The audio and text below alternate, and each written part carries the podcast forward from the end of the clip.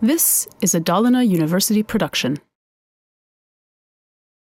Det unika med molekylen och alla de här egenskaperna som jag har pratat om tidigare, eller användningsområdena rättare sagt, det hänger ihop med strukturen. Eh, molekylen den har en vattenlöslig del och en fettlöslig del. Man brukar kalla det för hydrofil och hydrofob eller något annat. Det finns andra benämningar också. Och den vattenlösliga delen det är huvudet. Och bakkroppen, eller själva kroppen, då, det är det som löser fetter. Kolföreningar i sig de är oftast inte eh, vattenlösliga. Ju fler kolatomer desto mindre vattenlösliga. Men den här den har en perfekt kombination då av både vattenlöslighet och icke-vattenlöslighet. Så att det är därför den är så otroligt använd som lösningsmedel och även då har de där andra funktionerna. Man kan jämföra med den här molekylen som eh, föreställer vatten.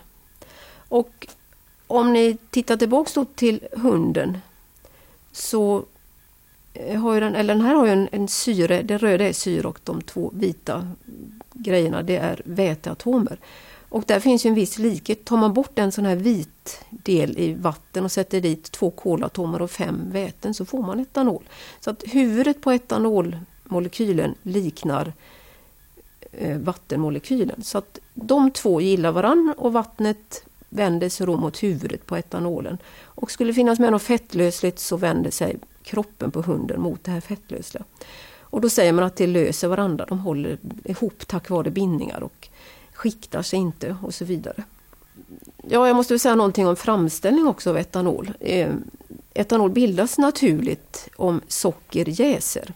Det finns alltid, I naturen finns det alltid gästsvampar med som kan sätta igång och förjäsa socker i bär och frukter. Ehm, Framför allt. Ehm, sockret ska vara form av glukos, liksom minsta sockerenheten och då kan gästsvamparna omvandla sockret till etanol. Man får restprodukter också men det, är, det viktiga är ju då etanolen. Om man tittar på in, industriell framställning så har man en sockerhaltig råvara i allmänhet eller någonting som innehåller hög halt av stärkelse. Och eh, är det stärkelse då så måste alltså först sockret spjälkas, eller stärkelsen förlåt, spjälkas till sockermolekyler. Eh, och sen sätter gästen igång och om, omvandlar det hela till etanol.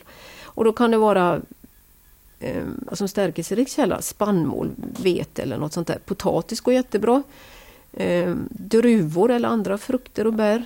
Mm, sockerbetor eller sockerrör funkar mycket bra. Och även cellulosa, alltså trämaterial som man sen, fast det är lite knepigare för man behandlar på fler eller i fler moment innan man får fram etanolen. Men det är väldigt eh, aktuellt just nu.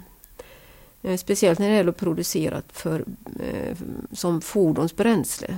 Eh, industriellt så kan man även utgå från eten och det är en lite mindre molekyl än etanol. Man tillsätter vatten eller man fogar ihop vatten med etanol eller till etanol med etenmolekylen. Ja, ja. Vid jäsningen av sockerhaltiga råvarorna så slutar etanolhalten på 7, eller 7 till 9 procent och det brukar man kalla för att man har berett en mäsk. Och för att då höja etanolhalten så måste man destillera och det gör man i upprepade steg. Det finns eh, olika varianter. Man brukar ha höga kolonner som har eh, vad man kallar bottnar. Och eh, beroende på den sluthalt man vill ha så har man olika bottnar. eh, och det beror också på skillnaden i kokpunkt mellan det här som man ska separera. För destillation är en separationsteknik där man eh, utnyttjar att ämnen har olika kokpunkt. Och har man vatten och etanol i blandning så har etanol lägre kokpunkt än vatten. Vid upprepad destillation då kan man få en halt på eh, etanolen som är 96,5 procent. Sen kan man inte destillera till högre halt. Enligt den här metoden i alla fall. Den här 95,6 förlåt, nu sa jag väl fel, eh, procentiga produkten den kallar man för finsprit och den har användningsområden. Den kan användas till allt möjligt. Man kan späda ut den med mer vatten och nyttja till diverse olika områden. finsprit alltså.